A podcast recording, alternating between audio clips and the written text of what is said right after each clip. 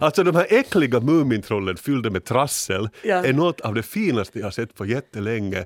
Bara för att man ser inte sådana grejer mera.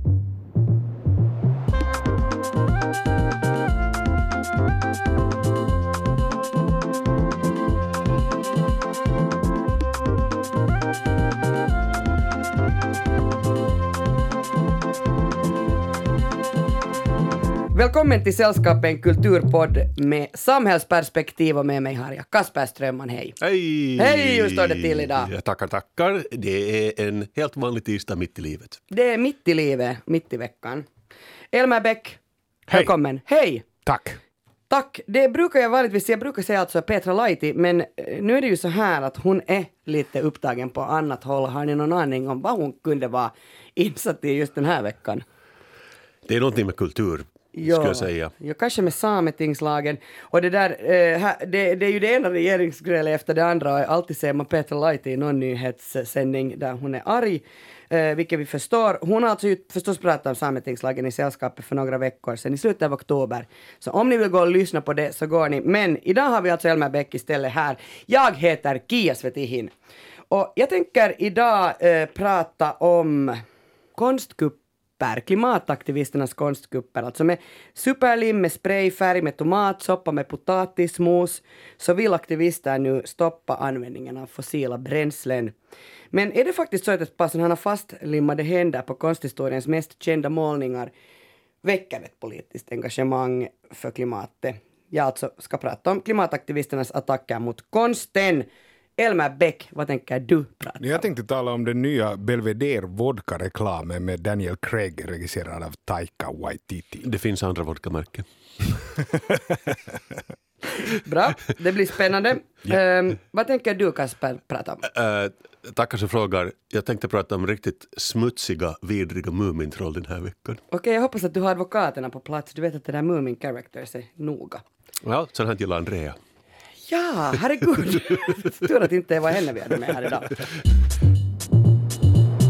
Någon slänger en tårta på Mona Lisa i Paris. Tomatsoppa stritter ut över Vincent van Goghs solrosor i London. Potatismos rinner på Claude Monet i Potsdam. Andy Warhols berömda verk, den här Campbells Soup, blir nedklottrat på National Gallery i Australien. Och orden No New Oil blir spraymålade under en replika av Leonardo da Vincis Nattvarden. Aktivister limmar fast sig vid Bot- Botticelli i Florens. Det här är nu bara några plock av eh, vad klimataktivister har gjort.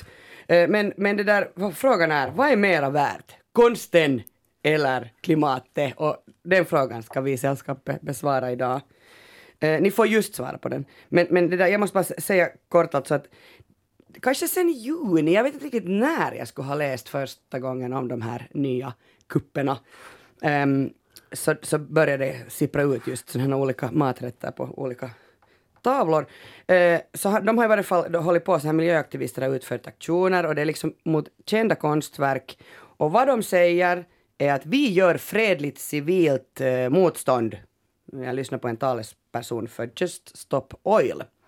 Alla våra tidigare försök och metoder har misslyckats, därför gör de det här idag då. Så just den här Just Stop Oil, det är en av flera klimatrörelser som, som har gett sig på eh, konstinstitutioner och Just Stop Oil betyder ju typ så här stoppa oljan. Eh, och, och det de vill är att få länder att stoppa användningen av fossila drivmedel helt och hållet. Men vad säger ni, är, vad är mer värt? Konsten eller klimatet? Jag älskar ju att det finns sådana moderiktningar inom aktivismen. För jag var faktiskt äh, och intervjuade lite människor till Elokapina Extension Rebellion Finland som de kallar sig i min andra podd. Och det var så roligt för hon jag pratade med hon var också där att det började väl med att folk limmar fast sig på E4 i Sverige. Och hon var också där och jag limmade mig själv fast i något sånt här H&M-fönster i Tammerfors. Och liksom, vem kom på idén? Jag älskar det här att, att, att och vad blir nästa grej? Kan vi hitta på nästa grej som stör folk? Exakt, och kan vi alltså förutspå, förutspå nu i sällskapet vad det kommer bli? Ja, det är det jag undrar. Vad tycker du, eh, Elmer? Nå, Ko- tycker Konst eller klimat? Jag tycker att det är helt fel fråga. Jag kan sen tala lite mer om det. Men jag tycker att den, hela frågan konst eller klimat är just exakt fel fråga vi ska ställa oss. Okej, bra. Eh, men vad vill man då uppnå genom att ge sig på konstinstitutionerna? Nå, de här klimataktivisterna de säger själva att konsten är ett uttryck för vår kärlek till naturen och mycket av konsten handlar om naturen och den håller på att dö till följd av vår fixering av olja och gas. Så liksom de menar också att det finns eh, ett viktigt inslag av ironi som kanske inte finns i andra aktioner. Man kan ju fundera, att är inte de här aktionerna nu då lite missriktade och förvirrande? Är inte risken liksom större att det här leder till irritation och avståndstagande i, istället för att leda till eh, mera stöd? Det är ju det att, ja, vi snackar om det nu, men sen när det har hänt tillräckligt många gånger så måste man hitta på den nästa grejen. Och jag kräver att vi hittar på det nu. Så att så att Ja, ja. idag. De här klimataktivisterna säger att de ägnar sig åt sån här omstörtande verksamhet eftersom städade aktioner inte fungerat. Och att deras mål är liksom inte nödvändigtvis att heller vinna stöd bland mänskligheten. Det är inte meningen att Elmer Bäck ska tycka att det här är bra, utan de vill vara effektiva med att få ut budskapet om hur skit klimatet mår.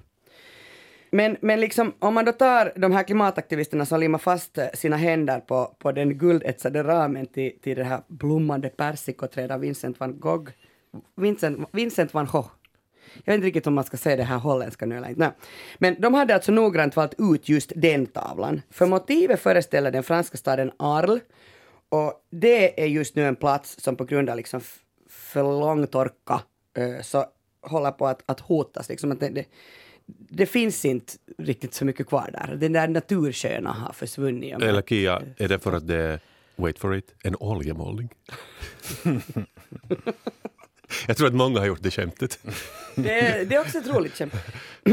Men det där, det som jag nu tycker att är jätteviktigt i den här eh, hela grejen, det här förstod jag inte heller förrän jag nu har läst på, alltså att aktivisterna hävdar att de här aktionerna inte skadar konstverken eftersom de här konstverken ju alltid skyddas av glas. Jag menar, ni har väl säkert alla sett Mona Lisa i Louvre? Louvre. Ja. Men det är liksom, det, det, det är så mycket glas runt att man ser ju inte själva tavlan, alltså, eller så här skyddsglas. Är den också som Tom Cruise, att den är mindre än man tror i verkliga livet? Den är exakt som Tom Cruise, den är så liten. Okej. också Mannequin Piss i Bryssel. Är den liten? Ja, den är Väldigt liten. liten, ja. Den är liksom på riktigt, den är 30 Ja. centimeter hög. Jag blandar den alltid, tänker att det är det där vidriga konstverket där i Busholmen, vet ni på... Ah, den är stor. Den är, Den är inte alls, den är inte alls som Tom Cruise. Nej, nej, den är helt tvärtom. Ja, Tom Cruise. Anti-Tom Cruise. Jättestor. Men till exempel alltså, eh, nå- någon av de här attackerna så, så hade också en av aktivisterna ropat Den här målningen är skyddad av glas, men våra barns framtid är inte skyddad. Alltså, de är också ute efter att vara sådär att varför bryr ni er så mycket om det här men ni bryr er inte om att våra barn inte har en framtid. Nu har jag ju inte följt med den här debatten och jag har inte läst sådana här think pieces som det alltid brukar bli. Men jag kommer ihåg när Isis höll på att spränga sådana gamla stenstatyer. Du ska komma till det här tydligen för du nickar. Nej, jag ska inte komma till det här men jag kommer Ja. också, jag har tänkt på Ja. det också. Men det tyckte vi var fel. Det tyckte vi nu väl att var fel. Men det här tycker vi är rätt. Men det är ju inte samma sak, de förstörde ju dem verkligen. Ah, Okej, just det. Det inte inget glas på dem. Jag, jag hörde en Ja. intervju också med en människa från Just Stop Oil. Ehm, jag sätter alla referenser där på arenan. Men det där, eh, där, där sa också den här, frågade den där som intervjuade, det var någon BBC-intervju tror jag, frågade att, att ja, ja, så ni, ni ringer upp liksom de som konserverar tavlor, heter det så? Nåja. Och, och, och, och så kollar ni liksom att den här Mona Lisan här, eller, eller vilken tavla det nu är, att hur mycket skyddad är den? När vi kommer dit och häller ut vår mat så är den skyddad.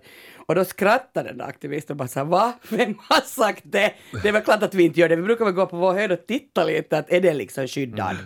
Och någon ram lär ska ha blivit förstörd när man har limmat fast sig. Men jag tänker så här, en, att en ram blir förstörd, det är ju inte själva konstverket. Det enda jag funderar på om det här är ett mode, liksom, är de jätte nu på Ateneum sådär pirriga att när kommer det här mordet till Finland? Alltså visst har de, i varje fall i Sverige vet jag att, att, att vad det är nu jättemånga museichefer hade gått ut och sagt att nu måste vi göra något. Att vi måste liksom förbereda oss på att det kan komma människor och, och kasta saker på våra tavlor. Men den här senaste alltså, vad jag nu har läst på, så jag tror inte att i Finland, i Finland har det inte ännu hänt någon sån här eh, konstkupp. Inte ännu. Inte ännu. Jag tycker det är roligt det där att de utgår från att alla bryr sig så mycket om konst. Det är där jag skulle först fråga. Alltså fantastiskt om det är så. Jag tror ju inte att det är så. Alltså de säger att varför bryr ni er så mycket om den här konsten när ni inte bryr er om framtiden för våra barn? Men det är ju inte alls sant. Alltså folk bryr sig om helt andra saker. Så jag tycker att där tycker jag den liksom är lite eh, Eh, missriktad. Sen undrar jag bara det där att om man säger sådär, jag, jag, går- jag går med på det att okej, om, det, om, det inte finns, om, om det inte finns någon framtid så varför ska vi ha konst? Jag fattar det. Men då kan man ju liksom börja fråga sådär, men varför ska vi ha bibliotek? Varför ska vi ha arbetslöshetsunderstöd? Varför ska vi ha något? För att världen går ändå under. Och jag tycker att det är slippery slope, för då kan man ju också säga så här, men varför ska oljebolagen sluta göra, eller göra något annat? För att världen går ändå under. Eller varför ska vi inte skövla Amazonas? För den går ändå undan, under. Jag tycker liksom att man börjar slinka in på den grejen. Jag jag tror inte alltså ärligt sagt att det där alls fungerar för folk som på riktigt då håller på och aktivt vill förstöra naturen. De bryr sig inte något om van Gogh. Absolut inte. Så därför tycker jag att den, liksom, den riktar sig helt fel. Och sen tänker jag också att just att man blir, att konstnärerna är väl de enda människorna i världen som efter det här säger så här, ja men det är sant ungefär, att det ska inte finnas någon konst om det, om det inte finns en värld. När alla andra säger så här, klart vi, vi bara, vet du, ser i reven, vi Skövla. fortsätter göra pengar, vi gör vad, vad som helst. Men konstnärer säger okej, okay, men vi slutar. Och vad hjälper det? Jag förstår inte alls. Alltså jag tänker faktiskt ibland så här att vi bryr oss lika lite om klimatet som vi bryr oss om konsten, så de tar lite ut varandra på något sätt. Nå mera det tycker Alltså jag har bara funderat på sistone, att är inte konst i sig själv någon slags pyramid-scheme? Att de ger sig på de här... Liksom varför är Mona Lisa just så mycket mer värdefull än något som du har målat till exempel Kia. Och de, de, ingen, vill ju, ingen vill förstöra dina konstverk utan de, de har- tar de här liksom symbolerna för rikedom eller på något sätt uppskattade som, som vi inte riktigt förstår varför de är så uppskattade. Men där tycker jag också att om man nu vill ge sig på, varför ger man sig på till exempel Damien Hirst? Jag tycker inte att man ska göra det heller, men det kan jag liksom fatta, okej. Men alltså van Gogh, som dog liksom fattig och med mycket psykisk ohälsa och borta alltså på, Jag förstår att nu är den värd, men jag tycker att den här symboliken är helt Vänta, vem är Damien Hirst? Damien Hirst är den stora brittiska eh, konstnären som gör sådana, som hade vad var det, en, en, en, han hade en dödskalle gjord av diamanter som Också var värd. en, en haj. En haj. I, en, en, i en stor, ett stort akvarium. Det var kanske någon sån här Ja. formaldehydin. Och de är liksom otroligt mycket värda och han är ju nu, eller något Jeff Koons eller något alltså som verkligen Alltså- skulle flirta med den här liksom pengagrejen. Ja, ja, då. Tycker jag, okej. då ska jag ändå förstå att det finns någon tanke. Jag tycker att det fortfarande skulle vara missriktat. Men nu Mm. på van Gogh, alltså, alltså, alltså. Men jag tänker så här att, att att det är ju konstigt alltså ju att, att vi faktiskt inte är mera upprörda över klimatet än vad vi är. Och, och det där radikala klimataktivister har ju genomfört demonstrationer under det senaste året. Just som du sa, eh, Elmer, att man har liksom limmat fast sig på, på någon väg eller på någon landningsbana på flygplatser och man har blockerat väg, vägar. Och förra året, exakt den här tiden, för då var det alltså COP26 i Glasgow, då pratade jag om klimataktivisten Anders Malm som hade skrivit en bok som hette som heter How to blow up a pipeline. Där han liksom förespråkar intelligent sabotage.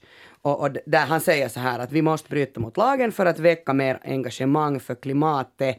Och han undrar liksom att när ska vi börja kriga för klimatet? Jag tycker att det är en helt befogad fråga. Ja, men det, det har jag inga problem med, det kan jag förstå. Men att man attackerar konsten, det här säger nu de här klimataktivisterna, bland annat från Just Stop Oil, det hänger ihop med att konsten anses vara helig, sacred säger de. Och attackerar man det heliga så får man tillräckligt med uppmärksamhet och det är det det handlar om i grund och botten. De vill ha uppmärksamhet. Fast den anses inte vara helig. Jag tror inte på det där överhuvudtaget i dagens värld. Ja, det- Vem anser att den är helig? Alltså, jag tycker mera konsensus är att konst kan kastas på soptippen. Alltså jag lever i en sån värld. va? Jag lever inte i en värld var konsten är helig. Tycker du Kasper att, att konsten är No, helig? under coronan tyckte ju många att inte alls att den var helig. Nej, var, det, var det inte så att, att det var liksom ingen riktigt brydde sig om de som skapade konst? Exakt. Exakt. Och nu är det ju det man säger också, att inte bryr vi oss om klimatet för det är ju krig. Alltså, i, i princip, jag tycker att de är lite likadana. Man, man har lite likadan inställning. Är vi alla nihilister? Det är det du försöker säga? att ingenting spelar någon roll? Ja men hej, det är alltså ju inte, inte alls första gången man attackerar konstverk genom liksom att vara aktivist. Ikonoklasm har jag pratat om också tidigare, men det är så här upp, att uppsåtligen förstöra religiösa ikoner och andra symboler eller monument. Det här är en återkommande företeelse när man liksom vill ha igenom större politiska eller kanske då främst religiösa förändringar. Och att förstöra tavlor är inte alls något nytt. Um, har ni hört om suffragetten Mary Richardson? Hon gick till attack mot Diego Velázquez målning Venus med speglar redan 18 redan år 1914, alltså över 100 år sedan. Vad hon gjorde alltså, var hon, hon gick in i, i museet och med sig hade hon smugglat in en enorm kökskniv. Och sen högg hon stora rävor i den här Diego Velázquez målning. Eh, och eh, det här var alltså för att hon ville skapa uppmärksamhet men hon ville också protestera mot konsten i sig. Alltså hon tyckte att den exploaterade eh, traditionen att avbilda nakna kvinnor och fylla museer med, den, med dem. Uh, så jag menar, konstkuppen är en sorts desperation och klimataktivisterna är desperata men har inget svar och därför attackerar de det heligaste. Men det där, hon attackerar ju ändå en, en sak som hon menar att de avprotetrerar kvinnor på ett visst sätt. Det kan jag förstå. Nu kan man attackera en viss konst, men det här handlar ju inte om det. Det här handlar, om, det handlar ju inte om att de allt. attackerar liksom van Hoff för att han hade en sunkig kvinnobild. Att attackera alltså vår kulturs fragila konstverk menar de då att är ett slag både mot eliten och mot omvärlden. Um, men desperationen kanske jag inte tycker att riktigt förmedlas. Uh, man når ju inte helt enkelt fram och jag tänker just som, som ju nog du Elma har varit inne på att allmänheten är, är ju inte nu sådär jättesympatiskt inställda till det här, tycker inte att det här är så bra. Att, när jag försökte läsa just sådana här takes, liksom The Atlantic har skrivit, The Guardian har skrivit, så alla som har skrivit krönikor om det här är jättearga. Alltså sådär liksom att sluta, ni får inte hälla potatismos på något konstverk. Att jag menar, ingen är sådär yay! Fast jag tycker att det här, ju mer jag läste på så ju, jag med, blev nog mer och mer såhär bara, ändå är det, är det inte ganska genialiskt? Alltså att de får ju jättemycket uppmärksamhet. Men jag tycker att det börjar vända. Jag börjar liksom lite mm, se att folk börjar vara lite på deras sida. I alla fall inom lite så här konstkretsar börjar det lite komma upp. Just kanske för att backlashen har varit så stark så nu börjar det komma så här nej, nej, nej, nej, nej, de har nog en poäng. Tycker mm. jag. Ja, alltså det är det jag börjar se. Problemet är att vi alla vet hur skit klimatet mår och att det håller på att gå åt skogen med vårt klimat och ändå gör vi ingenting. Det är väl grundpoängen här, tänker jag. Mm. Uh, och det är då jag får händerna på en av de böcker som är nominerade i Fackfinlandia i år. Den heter Valas Lasimaljassa. Och den är skriven av Maria Katajavuori. Hon är pseudonym för Katarina Vuorinen, som hon alltså heter på riktigt, som är en 28-årig klimataktivist och doktorand i ekologi. Och den här alltså boken handlar om hur vi befinner oss i miljö, miljöförstöringens smältpunkt och vi har liksom riktigt på egen hand tagit oss dit. Och, och där, där är vi nu och förstör. Och, och det här är liksom kanske frågan jag ställer mig varje dag. Varför i hela friden agerar vi mot vår kunskap? Jag menar, vi ignorerar ju eh, eh fakta. Eh, vi, vi, vet ju att klimatet håller på att gå under och vi bara fortsätter som sådär, för att jag har rätt i det. Nå, enligt Katajavuori så säger hon att, att människor ignorerar fakta för som art är vi främst intresserade av vår egen överlevnad och det här är genetiskt. Det vill säga evolutionen gynnar egenskaper som gynnar individen i sin dagliga överlevnad och att evolutionen ju tyvärr inte är förutseende. Att det här är liksom ingenting vi kan ändra på. Jag har funderat många gånger att, att varför anser jag mig ha rätt att... Nu, jag flyger kanske en gång i år ändå på någon sån här semesterresa, alltså vi borde bara sluta. Men, eller, eller då på sin höjd åka båt eller, eller tåg eller något, men det är ju så, nästan omöjligt liksom efter så länge och det är så dyrt. Men varför fortsätter vi bara? Men jag tycker också att det här är igen den här grejen som, som, som gör just att det, det är ditt personliga val som sen ska göra det. Alltså det är ju också ett sätt för de, där, de som verkligen har ett ansvar att flytta över det. Att det är du som flyger så du är lika skyldig som alla andra så vi gör det här tillsammans. Men inte gör vi ju det på riktigt tillsammans för det finns ju människor som skulle kunna göra ganska stora val, som skulle ha ganska stor skillnad. Och det att om du åker tåg eller inte har ju inte egentligen någon skillnad överhuvudtaget, bara din egen skuldkänsla. Ja, eller att du sorterar rosk. Men är det det du försöker säga att vi borde ha mer skatt på flyg. För jag vet själv att ja. när jag flög, äh, för tio år sedan var det billigt att flyga upp till Uleåborg och dyrt att åka tåg. Mm. Och då valde jag ofta flyget. Nu är det tvärtom. Mm. Har inte flugit på säkert fem, sex år. Mm. Mm. Och då, jag menar, nu ser de ju också att när tog man i Tyskland bort avgifter för, för att åka typ spåra och buss, alltså heter det, allmänna mm. fortskaffningsmedel, så minskar trafiken jättemycket. Jag menar i Finland, eller i varje fall Helsingforsregionen, är vi ju jättenoga med att höja den här avgiften så det blir ännu dyrare. Mm jag blir alltså ju ganska desperat. Det tänker jag att jag har, jag har länge nog känt en sån här klimatångest och, och, och så, så, i takt med att jag läser den här boken så blir jag bara mer och mer desperat. Eh, det är nämligen så att man kan inte idka miljöforskning utan att själv förstöra klimatet samtidigt. Eh, Författaren berättar om när hon ingick i ett filmteam för att skapa utbildningsmaterial i form av en sån naturdokumentär. Och de ska alltså dokumentera ett utrotningshotat djur som aldrig dök upp. I dagar, För att, för att den var uddet. i, I dagar häckar de på olika ställen för att få ett skymt av det här djuret. Och det här djurets osynlighet berodde på att temperaturerna hade varit exceptionellt höga på det där området de var.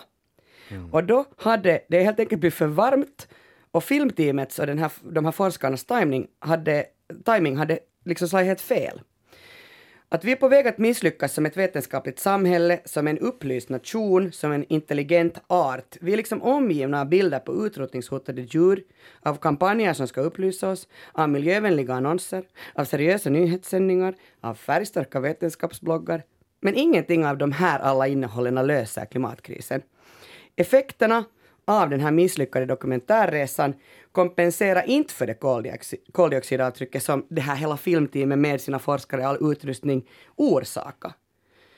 Så det är liksom skrämmande att tänka på att genom att, vi, genom att titta på biosfärens framtid så skulle man borde kunna upplysa folk om hur klimatet mår. Men det finns snart ingenting kvar att beskriva.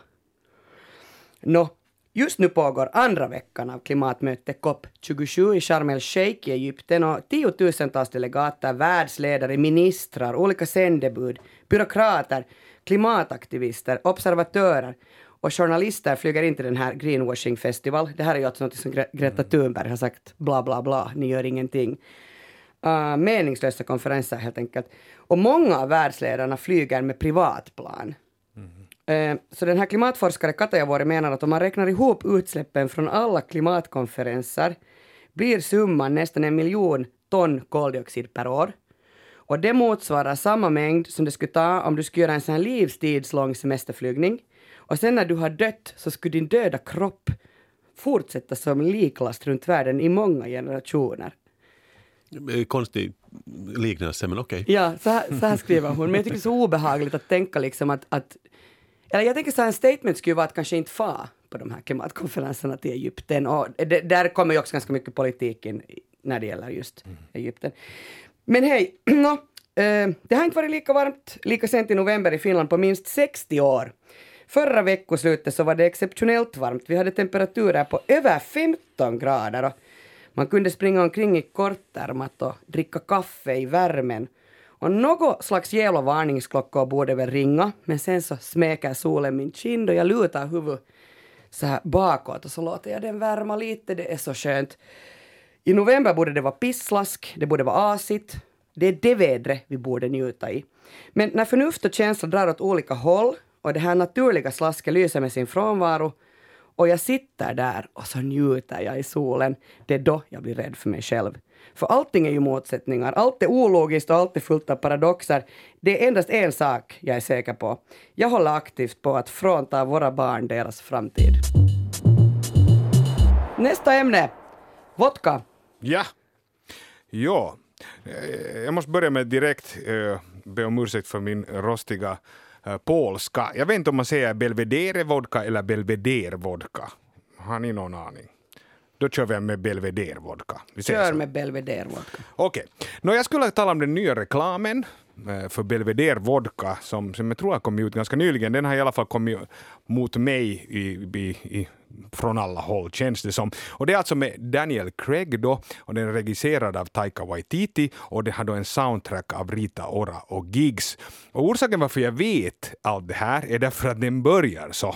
Alltså det står Belvedere Vodka starring Daniel Craig as himself, directed by uh, Taika Waititi with original soundtrack by Rita Ora and Gigs.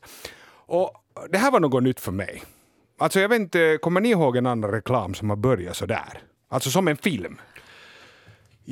Jag skulle spontant säga jo, nu när de inte behöver köpa mera reklamtid utan folk tittar frivilligt på dem på Youtube. Så Ja, kan man ja, ja. göra sådana grejer. Så då börjar det så här och då, då kommer de så här. Och äh, jag vill först gå ut med att jag, jag, jag är inte ute efter här att döma, döma folk för att man, man gör reklam. Också här i Finland så gör våra största regissörer, våra största filmfotografer reklam och det är ett sätt att liksom få bröd på bordet. Jag har inga problem med det. Många skådespelare gör också. Jag har själv gjort reklam och det här för skådespelare är det lite mer krångligt för att du har ju ditt eget face där. Som, som regissör och filmfotograf så kan du egentligen göra reklam för vad som helst och så syns det så att säga inte. Och lite mera tycker jag att det har varit den stilen tidigare då. Alltså att mm, alla gör men det är inte någon man att säga stoltserar med. Och det kan också vara ett sätt som, som eh, nya regissörer och filmfotografer kommer in för man får jobba med större pengar och man kan mm, kolla saker, man kan göra experiment och sen kan man senare börja göra, göra liksom film eller så här.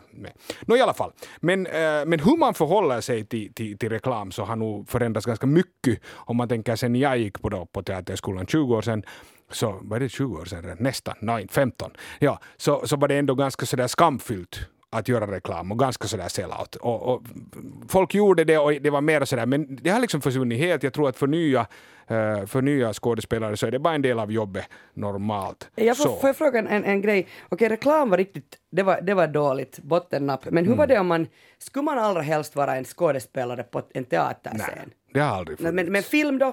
Film är okej. Och hur är tv-serier? Också okej. Det var bara reklam, för därför då verkligen säljer du ju något. Inte film och tv är det, ditt jobb. Alltså, jag tror att det som har hänt tidigare så var det så att, att film, tv och, och teater, det är ditt jobb och reklam är inte så att säga ditt jobb, utan reklam är då att säga att du säljer en produkt och där, det är inte ditt jobb som skådespelare. Det är just det som jag tror att har förändrats nu. Men det är intressant att du säger det där, för jag kommer ihåg när jag pluggade grafisk form på 90-talet, så då var det på något sätt coolt att jobba på reklambyrå och folk ville göra det.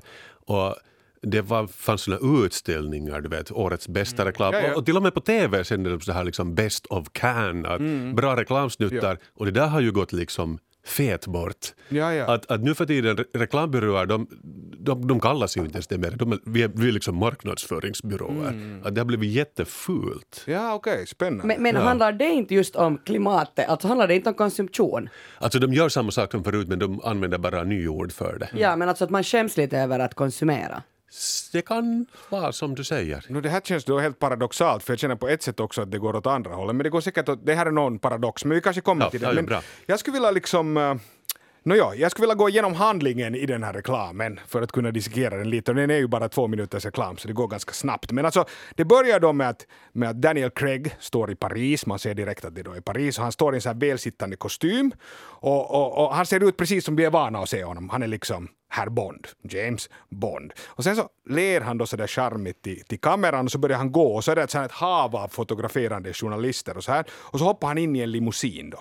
Och så kommer han direkt ut på andra sidan limousinen och då är han plötsligt klädd i så här skinnjacka och det här är helt svartklädd och med sina solglasögon. Och så kastar han då de här solglasögonen och så går han in då i ett fint hotell där i Paris och så börjar han då dansa. Han tar en sån här Belvedere vodkaflaska, spinner den på golvet och så dansar han vidare. Så dansar han in i hissen.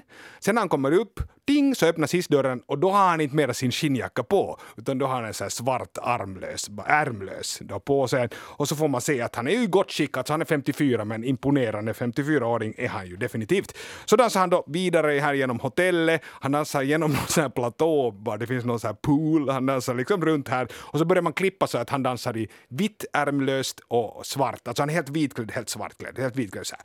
Och det, det är roligt också hur han dansar för att de har ju klippt det jättebra men det är ju inte egentligen så imponerande men, men det, det kommer ändå sådär att han är liksom cool, sexig och så här när han dansar där så här. Till slut kommer han då in i ett rum och tar fram den här Belvedere-vodkan och tar sig ett glas och så ler han till kameran och säger finally.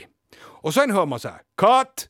Och sen så filmar de då Taika Waititi som sitter i sin regissörstol. Och han ser också där jättesnygg ut i så här trendigt, liksom välklippt grått hår. Och så säger han så här “Let's go again, just be yourself”.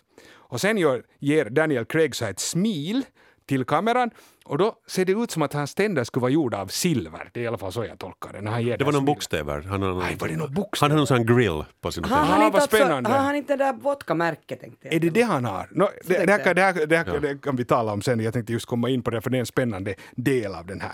Nå, i alla fall. Sen, sen blir det ännu mer förvirrande tycker jag. Eller inte vet jag om det här har varit förvirrande, men det blir i alla fall förvirrande. För sen följer något som, som väl brukar kallas bloopers.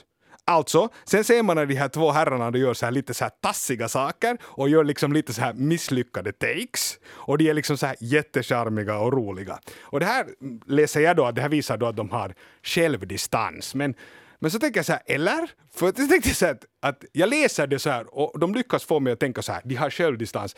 Men är självdistans det att man säger så där att, att jag är egentligen ganska töntig? Men det säger ju inte de. De säger så här, vi är liksom helt jättesnygga och coola och så här, men vi är också jätteroliga och vi vet det. Men det är ju inte liksom självdistans, utan det är bara, de bara bygger på då egna varumärke så att säga.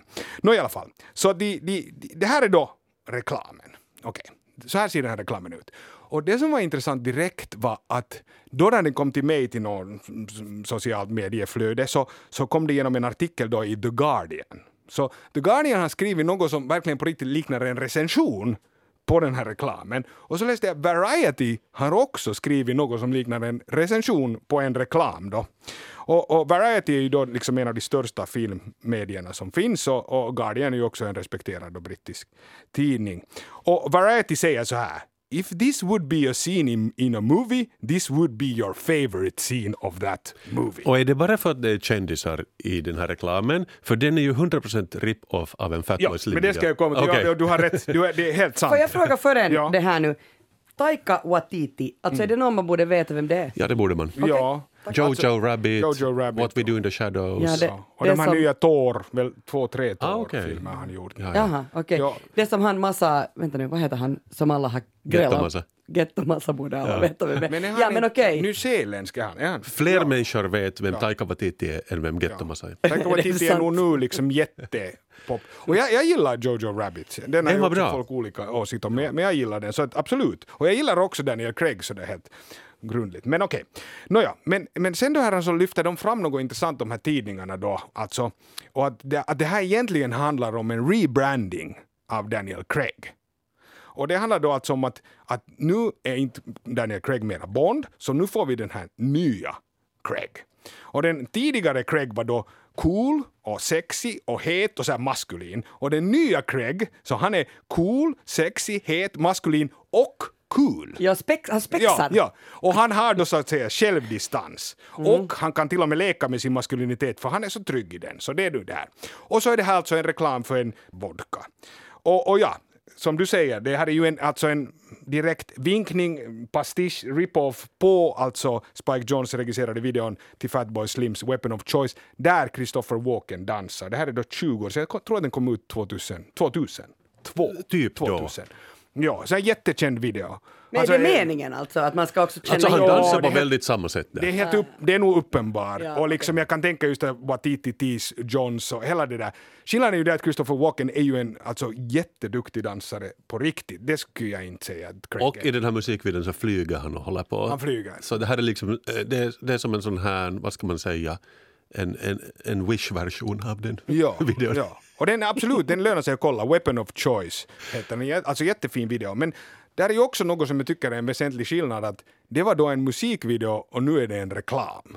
Och, och, som vinkar till den. Och jag tycker också att Och jag tycker det är intressant att du säger att han är cool när han sätter på sig en skinnpaj. För jag tycker det ser liksom 100% ut som en sån här 60-årig tandläkare som köper sin Harley Davidson. Jo, jo, jo. Men jag tänker ändå att det är väl det vad de försöker säga. Och där är väl den här självdistansen, alltså där är hela tiden den båda. Att han är liksom het, men han är också, han kan skratta åt det, men han är ändå het. Eller så upplever Alltså, jag, jag, jag upplevde honom som väldigt boomer, alltså när när jag såg Mm, den ja, videon. verkligen. Alltså, man, att man lite skäms när man Ja, ser okej, på okej. den. Jag tycker som min pappa köpte en motorcykel. Så, Ja, så såg exakt. jag det. Åh, Ja. Nolla. Ja. Men sen är det någonting som jag tänkte, alltså som jag i alla fall, nu får ni se om jag börjar bli konspiratorisk, men alltså jag upplevde när jag tittade på den här den här videon då, så, eller den här reklamen, så började jag känna så här att fan att han liknar ju någon jättemycket. Och så började jag tänka så att han liknar ju någon som... James Bond. Nej, ja, det var det. Det var det. Du fick det. Du fick det direkt. Du har funderat dagar. Nej, men när han går omkring där och dansar, då, eller, liksom- eller när han går omkring och ser sådär liksom i sin är, arm, ärmlösa, så börjar jag tänka att han liknar ju jättemycket någon som brukar omkring, gå omkring i ärmlöst och också barbröstar för typ 15-20 år sedan och som var liksom het, som vi alla skrattade åt i västvärlden. Pamela Andersson. Det är exakt det jag kommer Okej. till. Men var sådär jättepopulär i, i, i hemlandet och det är ju såklart då Vladimir Putin. Och han liknar ganska mycket. Ah, det är sant. Och sen så kommer där ännu det att de dricker alltså Belvedere-vodka, polsk vodka. Mm, eller vodka överhuvudtaget. Ja, vodka överhuvudtaget, men ännu att de inte dricker rysk utan just polsk. För det måste ju finnas mellan Ryssland och Polen också att vilken är vodka, vilken är den bästa vodkan. Okej. Ah, han har lite slaviska drag den här eh, Craig. Ja, han liknar ganska mycket. Jag menar, Watiti och Craig tror jag nog är medvetna om det här. Så det här är ju också då så att de liksom ger en lite knäpp på näsan då till Ryssland och Putin. Tänker ändå att det är lite konspirationsteorier nu, Elmar, över det här. Kan Jag, det skulle, vara? jag skulle säga att de är medvetna. Och kolla Ah, ja. på Okej, det. okej, det här okej. får man avgöra själv. Stora växlar också på en två minuters reklam. Det är sant. Men jag, jag är helt, jag är helt det här, övertygad om att det här är en grej. Och då var då jag förstår, förstod vad det är jag på riktigt nu ser på. Och det här upplever jag det här är alltså den nya amerikanska drömmen. För den gamla var ju det där just att man kommer från ingenting och så kan man bli, med hårt jobb så kommer du till toppen. Men det här känns så att det här är den nya som, som alltså den stora drömmen och det är ju det att, att du är så här framgångsrik, snygg och cool. Så du bestämmer dig tillsammans med din regissörskompis som också är jätteframgångsrik, snygg och cool. Så gör ni en sån här self-promo-video där ni är snygga och coola och så får ni Belvedere vodka och betala för, för det här kalaset. Och sen så knäpper ni Ryssland på näsan och det får en att känna så här, hej de här är the good guys, de är på rätt sida av historien, de är liksom de här bra typerna. Och sen så, så, det här, så kan ni ändå som en slutkläm göra så där att ni lite så här charmigt leker och att ni bara egentligen är två killar som har lite så här cool.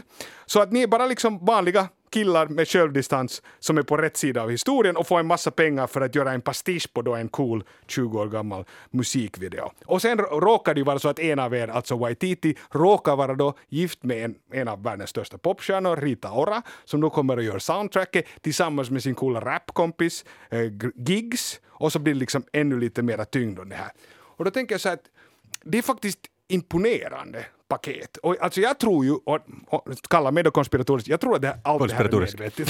Jag tror att allt är medvetet, för jag tror att Watiti är så pass medvetet. Det är det som jag tycker är lite skrämmande med honom, för att jag, jag tycker just att han är alltså jäkligt duktig och talangfull. Det är det som gör det skrämmande att han använder det på det här. Det är det min känsla. För att för jag känner så här, det här är, det här är nästa nivå. För att för 10 20 år sedan tror jag inte att det skulle vara möjligt. Men nu är vi ju så vana. Vi, vi, alla, vi är vana med att influencers säljer sig själv och sen har de någon som sponsrar dem. Det här är liksom helt business as usual. Och då tänker jag så här att vad är liksom nästa steg? För att, för att nu är vi ju vana med liksom product placement, alltså man lägger in liksom reklam för något in i filmer och där är ju en, Craig, där är ju Bond bästa exemplet, att nu är det där stora att han ska inte mera ha en dry martini, han ska ha en Heineken och han beställer uttryckligen då en Heineken och det där, jag tror att att det var en film där de säger så här, what, does a, what, what kind of a watch does a man like you wear? A Rolex? Och så säger han Tag Heuer. Och så visar han den Tag Heuer. Och det började vara på ganska hög nivå. Men jag tror ju att, liksom, det kommer bli liksom åt andra hållet nu. Att det kommer att bli liksom så att säga story placement. Alltså vi börjar, kommer att börja se på en och en halv timmes långa reklamer som har då en story, som reklamer är nu redan, men bara att de kommer att gå ut då till en och en halv timme och sen så ska vi ännu liksom typ betala för att se det här. Och sen, det som jag tycker är liksom så provocerande är ännu att de här ansedda då recensenter, de ansedda tidningarna inte heller verkar ha något problem med det, utan recenserar det som om det här skulle vara konst. Så att här, här är min slutkläm som är kanske lite för jord, men jag tänkte så här, den nya filmen, den nya journalistiken och sen de här stora bolagen, så det är verklighetens triangle of sadness. det var lite för jord, Touché. men jag måste säga det. Jag tänkte det är för mycket. Men så vill jag komma tillbaks till den där som vi talade om tidigare, alltså den här tanden. Och det var ju det att, att Okej, jag, jag upplever att han hade alltså silvertänder. Ni säger att det var något text? Eller Alltså som några rappare har ju så här grills. Ja, jag tyckte okej. det var något sånt. Ja. Eller Kanye West som hade Balenciaga. Sån här. Nej men det är inte riktigt samma sak. Han hade en sån här, vet du när man boxas så ska man ha man, Aha, tand, tandskydd. Så, så det. Men då tänker jag just det, för jag tänkte också så här bling bling rap, det är ju den liksom direkt det jag tänkte. Och vad är det då de säger? Och då säger jag så här att efter att de har gjort den här hela filmen så säger de åt oss så här Yes, we are making money and we like it. Och det känns sådär mycket mer 2022 än det blir det här liksom inte. Tack um, Kasper Strömman. Ja, okej, Kio och Elmer. Yeah. Visste ni att jag var i Tammerfors för ett par veckor sedan? Nej. Nej, det är ingen allmän kunskap, men visst, men att det kände ni inte till att jag kanske är den människa i Finland som har besökt Tammerfors minst gånger i mitt liv. Är det inte otroligt? Alltså jag hade för mig, alltså jag tycker att du alltid är överallt. Du får ju omkring som, som du skulle få betalt för det. Utom Tammerfors. Tammerfors. Jag håller mig långt bort därifrån. Okej. Jag, jag har aldrig haft en orsak att åka dit. Men tycker vi inte om Tammerfors? Jag vet inte, tycker vi om Tammerfors? Jag tycker men jag har bara goda, för jag har alltid varit, varit där och jobbat och det har varit liksom trevligt. Så jag har liksom goda minnen av Tammerfors. Men jag har inte varit där så mycket heller. Jag har liksom varit där på jobbresor. Det är en, liksom, en blind fläck. När jag ville åka till Ibiza under pandemin så sa någon sån här en ung kollega till mig, vet du inte att det nya Ibiza är Tammerfors? Jag trodde inte på henne. Nej, nej, nej. nej. Det där borde gett henne en, en lavett bara för att hon sa det. Ja, verkligen. Och nu vill ni ju såklart veta hur många gånger jag har varit i Tammerfors. Ja. Men jag tycker det är lite liksom osnyggt att prata om sånt. Det är som att fråga någon hur många sexpartners man har haft. Okej, men jag vill ändå veta. Nej, men det är väl grund och botten ganska oväsentligt. Så att det är sådär, om jag nu skulle säga att jag har varit i Tammerfors hundra gånger i mitt liv, vilket jag absolut inte har varit, så om man ändå inte har lärt känna staden ordentligt, så då är det ju bara en siffra. Sant? Tål att tänka på, eller hur? Men eh, jag har ingen förklaring till att jag varit där så få gånger. Det är väl för att det ligger någon förbannelse över staden. Vi vet inte, det här är bara en teori. Men okej, den här gången var jag då i Tammerfors och jag upplevde den i nästan ett helt dygn. Och eftersom jag hade nästan ett helt dygn på mig så ville jag uppleva det äkta Tammerfors, ska ni vet. Birkaland är its finest, som jag brukar säga. Så därför var jag åt på en restaurang med Lapplandstema. Så tycker Petra om, som brukar vara här normalt. Ja, men nu hänger jag inte med. Vad har det? Nej, det har ingenting med varandra att göra. Nej, de bru- de har det, det ingenting med det. varandra- ja. Det- Du är rolig. Det var... Ja, det försöker vara rolig alltså. Ja, ja, det, ja. det Det får var- förbi mig nu, förlåt. Ja. Men ni vet när man går på Lapplands temarestaurang i Tammerfors, så det är sådär Varför gjorde du det? Eh, Det är sådär härligt autentiskt, det är mycket renhorn på väggarna och så har de lagt sådana fällor på alla stolar som jag har för mig borde vara ren, men jag tror de använder lamm. För att det var inte så autentiskt att de skulle ha äkta ren på en Lapplandsrestaurang. I Tammerfors. I Tammerfors. Men, men man vet också skillnad på ren och lamm. Alltså päls. De har olika färg, den är Ja, vit, men de också, är vita. också ju nog känslan, alltså förlåt nu att jag är så här tarka, Mm. men det här är jag tarka om. Nu är det nu skillnad på en renfäll och ett, en Jo, fårfäll. jo, jo, och det här var fårfälla för det var mycket mjukare. Tänk. Men alltså, halvautentiskt, men ändå tycker jag så autentiskt man kunde komma Lappland när man äter på Nokia Arena i Tammerfors. För det var där restaurangen låg. Som jag, som jag, som jag, som jag rest jättelångt för att äta på Lapplands restaurang i Tammerfors. Och maten var ju såklart också, jag, jag kände att den var autentisk men kanske bara halvautentisk. Man, fisk, man fick fisk där som kanske var fångad i en kristallklar bäck uppe i Finlands utsträckta arm. Eller kanske i Norge. Det är ingen som vet. För det var smörstekt så man kunde inte riktigt komma åt nyanserna. Och så var det någon saltgurka till och så hade någon kallskänka eller någon assistent placerat dem på små släta stenar. Som att de skulle vara plockade ur samma kristallklara bäck som den där fisken. Det var, det var, det var härligt. Sen var det ju, okej med den här härliga lappländska fisken, det mest lappländska tilltugget som fanns, hasselbackspotatis. Och gissa vad det var till efterrätt. Tänk så här, Tammerfors möter Lappland. Men alltså lakkahilla är ju det man äter. Ja, här var det crème brûlée. Ah, Och där tror jag faktiskt ja. de gav upp lite, liksom hjortronsylt absolut. Men jag tror det var så här screw this, crème brûlée, det är liksom helt lika autentiskt som allt annat på den här restaurangen. Ja, som allt annat här. Och det är ju också gott. Men ni förstår, jag har varit Tammerfors, jag har smakat det bästa och mest autentiska som Tammerfors-trakten har att erbjuda. Men eftersom det här är en kulturpodd så vill jag också se kultur när jag var i Tammerfors. Och då tänkte jag så här, vem är den största tammerforsiska kulturpersonligheten som har ett eget stort museum i Tammerfors? Och vem, vem tänker ni på? Det ska vara alltså någon från Tammerfors. Är det ska vara en person som har ett stort museum Det i Tammerfors? inte, personen behöver inte komma från Tammerfors. Ja, vad, Tove Jansson tänker jag på. Ah, ja, okej. det var svar på min fråga. Jag, jag tyckte riktigt började fundera.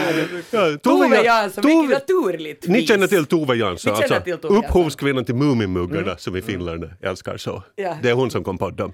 Så jag besökte Mumimuseet. Men inte kom hon väl på muggen och... Visst kom... De är fulla med troll. Som ritade på något dass i Håraga. Pe- Pellinge, Borgå skärgård. Ja, ja, ja. det räknas. Rätt ska vara rätt. Ja, ja, ja. Så, så, så här snack gillar Andreas som också är en del av den här podden ibland. Ja. Men vet ni vad? Nu, nu var jag lite raljant här i början, men Muminmuseet med Tammerforska Tove Jansson, det är helt riktigt, riktigt bra. Det är helt svinbra. Har ni varit där någonsin? Nej. Nej. För jag har faktiskt jag har varit där för jättemånga år sedan när det här museet var på ett annat ställe. Det var alltså på det här Tjäderbiblioteket, Metso, som ligger där i, i centrum. Att man gick ner i någon källare och det här var tio år sedan. Men nu har de tydligen varit i det här Tammerforshuset eller Tambertala som det kanske kallas sedan 2017 och det är helt otroligt bra. Det var fullt med turister och sen jag, alltså jag räknas väl kanske också som turist då, att man, man kommer in i någon sån här skymd sal och så går man ner i en källare och det är liksom enormt stor och mycket, mycket bättre än jag kom ihåg. För uh, de har alla sådana mm, original som är mycket, mycket mindre än man skulle kunna tro. Men också modeller av allting. Och nu vet ju liksom till exempel barn idag känner ju till Mumin kanske från de här nya animationerna som är också helt otroligt bra. Men man hade glömt hur fint de här fysiska modellerna är som de har byggt. Alltså de har så här mannahöga Muminhus som Tuulikki Pietila har jag för sig har byggt. Och liksom skalan är två meter höga Muminhus med otroligt mycket detaljer. Och de är liksom helt sagolikt fina och snyggt gjorda. Men man, man, kan verkligen, man måste uppskatta hantverket i dem. Men det var också intressant hur vidriga de här husen var. De var liksom orena och förpestade. Alltså, jag, jag, jag, förklarar. För de här nya Mumin-animationerna som kommer på TV, de är jättebra. Men de är datoranimerade och sådär jätteklina. Att man tänker sig att det är liksom ett gäng animatörer i typ Korea som sitter vid sina datorer och gör dem. Och de har liksom alla jättebra personlig hygien och de dricker kanske en bubble tea när, när, när Mm. de animerar Det är där. sant, de ser faktiskt jätterena ut. De är, de är jätterena. Nya. Och det är det som vi är vana nu på 2000-talet. Men sen när man är där på Muminmuseet, man ser sådär halv liksom förfallna Muminhus som de kanske var i början. Och så ser man liksom svartvita bilder på Tove Jansson och Tuulikki Pietilä.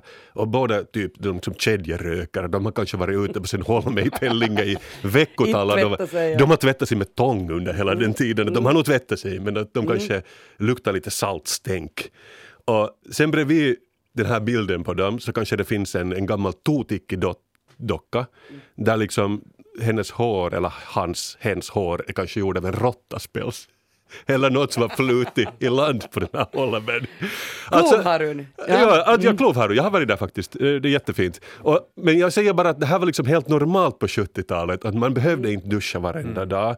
Men det avspeglas ju också på den här konsten. Att den blev mycket mer autentisk. Och de har liksom lyckats fånga det där autentiska in i glasmontrar så man behöver inte lukta på dem. Men ändå.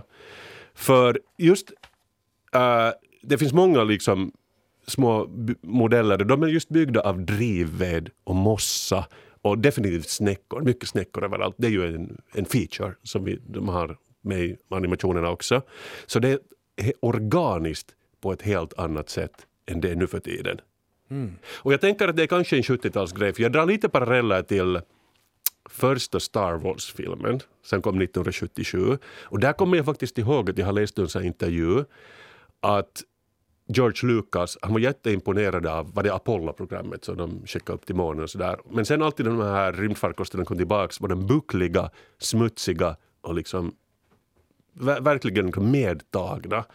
Och före det hade alla liksom sci-fi-filmer till exempel kanske filmats i någon studiomiljö och de såg lite, lite, lite dåliga ut, raketerna och definitivt modeller och jätterena. Men sen blev de smutsiga och också liksom, för att Star Wars-film på 70-talet så skådespelarna också, de har liksom polisonger och, och ser lite svettiga ut allihopa. Så det gör det som att, det, att ja, vi är i rymden men det känns mycket mer autentiskt när den... Bara för att. Och det känns ju som att det missade han i sen när han gjorde de där prequels. ja, Nu är absolut. det ju rent. Alltså nu när du säger så kommer jag också ihåg just de där X-Wing och de där. De, Ja. de var lite skitiga. De var jätteskitiga. Ja, Och spännande. det är samma sak med 70-tals Mumin. Jag har alltid gjort av en sån här roadkill. Liksom, det, det som, de, de har byggt de här grejerna. Och jag säger alltså att det är en bra grej. Roadkill. Alltså de här äckliga Mumintrollen fyllda med trassel Ja. är något av det finaste jag har sett på jättelänge. Bara för att man ser inte sådana grejer mera. Det är kanske också sådär 70-tals-TV att det räckte med en julkalender att man två uppstoppade sockor som pratar med Ja. varandra. Men, men, men Ja. är det för att du har ett, ett, eller att vi just nu har ett behov av, liksom det autentiska? Alltså vi vill gå tillbaka till the roots. Det, är- det jag vill slå ett slag för. Jag vet inte, för går någon tillbaks till the roots? För jag vet att det, det görs liksom retroversioner av gamla bilar. Till exempel, du har en sån här new Beetle som inte alls ser ut som en gammal Beetle. Alltså Liksom, Mm, en, en ny Mini till exempel är en Maxi, den är jättestor. Exakt, de där New Beetle, de, de är så rena. Alltså de, är- de är ju inte skitiga som kupplan, va?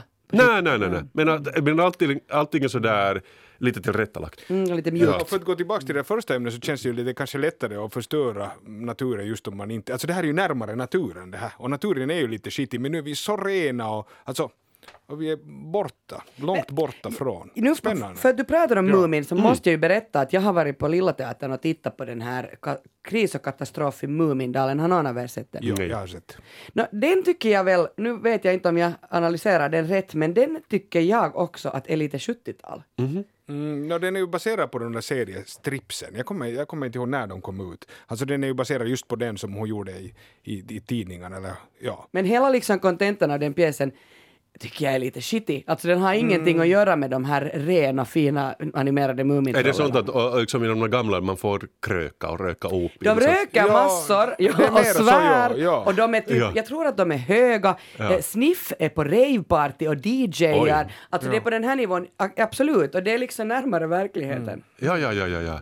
Men det, kan- det, det, det kanske finns liksom två olika timelines av Mumin nu för tiden då. Att vi har den här lilla teatern Mumin och så har vi de här animerade Muminen. Mm. Jag tog med mitt barn eh, på den här pjäsen, eh, Muminpjäsen, som den var faktiskt så här rekommenderad för faktiskt tio år uppåt, men att det där, jag tänkte att han klarar väl av det här och han älskar den. Mm. Och då tänker jag också så här att är det det att vi också gör fel Mumin för våra barn? Alltså borde de där, eh, framtidens barn vill ju se Toves Mumin och inte liksom de här. Ja. Och vilken där är kanon? Det, det är ju så en serievärld så pratar man att det finns liksom äkta och oäkta. Ja. Men är det inte serie, men det här säger ju vi för att vi är så gamla, att jag skulle säga att det är de här seriestripparna som är eh, kanon. No, ofta så vill man ju gå till det ursprungliga. Ja. Ja. Men, äh, ja, men det, var, så, så det var jättefint det här museet och jag vill verkligen rekommendera det till alla. Och där fanns också en sån här, men det vill jag också prata om, att det fanns en sån här som jag tror var en tillfällig utställning, att det fanns en sån här sidofilial av museet som var, handlade bara om Tove Janssons bibliotek helt enkelt, att böcker som, som hon ägde under sitt liv och de var på display där och det är också intressant för att när du har en bok så de hade så inskriptioner som din vän Astrid Lindgren ger den här boken åt dig och så var det kanske Mio med Mio eller något sånt här. Och, sånt som folk höll på med förr i tiden, liksom ex libris som man hade ritat själv och någon sån klisterlapp som man limmar in i böckerna och så det var anteckningar i marginalerna och sånt. Och det, det fick mig bara att fundera på att det kommer ju antagligen aldrig att komma ett Kasper Strömman-museum i framtiden. Ah, säg inte så. No, okay. Men jag utgår från det. Men man, liksom, man börjar, i en sån här plats så börjar man fundera vad som blir kvar av den moderna människan. Att blir det en utställning med flikar från min browser som jag hade öppnat på min dator när jag dog? Eller får man lyssna på avsnitt av Sällskapet på i hörlurar? Att det känns ganska flyktigt och att saker och ting är uppe i något abstrakt moln. Men det blir inte så fin utställning av det på det sättet. Att det blir kanske just en, en think piece där de säger vilken fråga, det han så ägde mäkt- ingenting. Ja, ja, det- men ändå vilken mäktig fråga. Liksom. Nej, men, men ni vet att, att eh, det finns, folk har inte bokhyllor på samma sätt som förut. Åtminstone inte inredningstidningar. Ni kanske har bokhyllor. Ja, jag älskar böcker. Ja. Skryt, skryt. Nej, nej, nej, men alltså, nej, men också just det, för det är den där fysiska, alltså inte bara det, nu kan man ju läsa på andra sätt, men just bara den där, det är lite samma som du talar om. Jo, alltså jag har en Liksom. bokhylla, jag är grafisk för Ja. jag har ju mina egna böcker Ja. där och sådär. Men, men att ni vet ändå att, Ja. att i, i det offentliga, kanske visuella landskapet Ja. så är inte bokhyllan mera centerpiece av ditt eh, rum utan där står kanske en, där står inte ens en stor TV, vad står det kanske? En dyr fåtölj. Vilket också är lite synd för det är jätteroligt att titta på bokhandlar hemma hos någon för man fattar ju så jäkla mycket. Ja, eller skivsamling. Ja, skivsamlingen. Ja. Ja. Ja. Men bottom line var att jag var jätteimponerad av den här utställningen och vill rekommendera alla att ta sig dit och titta på riktiga grejer. Och det är så fint att någon har sparat allt det där. Och därför vill jag att vi tre faktiskt då slår ett slag nu för det genuina och det smutsiga. För jag tänker också när man lyssnar på radio, så mycket, det, det finns inte smutsig musik ens. Allt, allt är en sån här väldigt radiovänlig blandning av kanske pop och hiphop. Men det har ju hänt förut och så kommer det just liksom grunge och liksom, man börjar ha loppiskläder igen. Och, Gettomassa. han är inte riktigt grunge kanske. men, att, men att jag menar att jag, Kasper Damus som folk brukar kalla mig ibland, jag är bra på att förutspå saker. jag förutspår att nu måste ju vara helt bakom hörnet att det blir smutsigt igen och vi börjar göra saker av en råttas hår. Och konst, litteratur, allt och också liksom Lapplands restauranger att vi har då verkligen riktiga renfällor. Att vi har inte får där. För att jag tror att det folk behöver det nu i den, de här tiderna. Jag sa att jag inte har varit jättemånga gånger i Tammerfors. Jag var jätteglad att jag tog mig dit. Kommer att ta mig dit på nytt. För också det var ju inte självklart att jag åkte dit.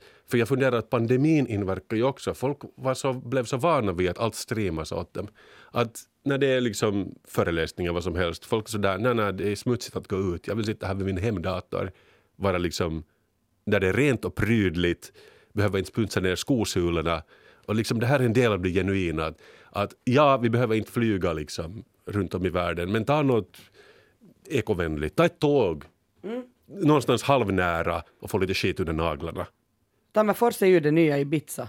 Det nya- Sa jag ju. Det skitiga Ibiza som Det vi, som, vi, som vi brukar säga här på sällskapet. Men bra! Ni är med mig! Vi är med, vi är Bra. med. Vi är redan på tåget. Det var det jag ville höra. Länge lever smutsen. Det är det jag försöker säga.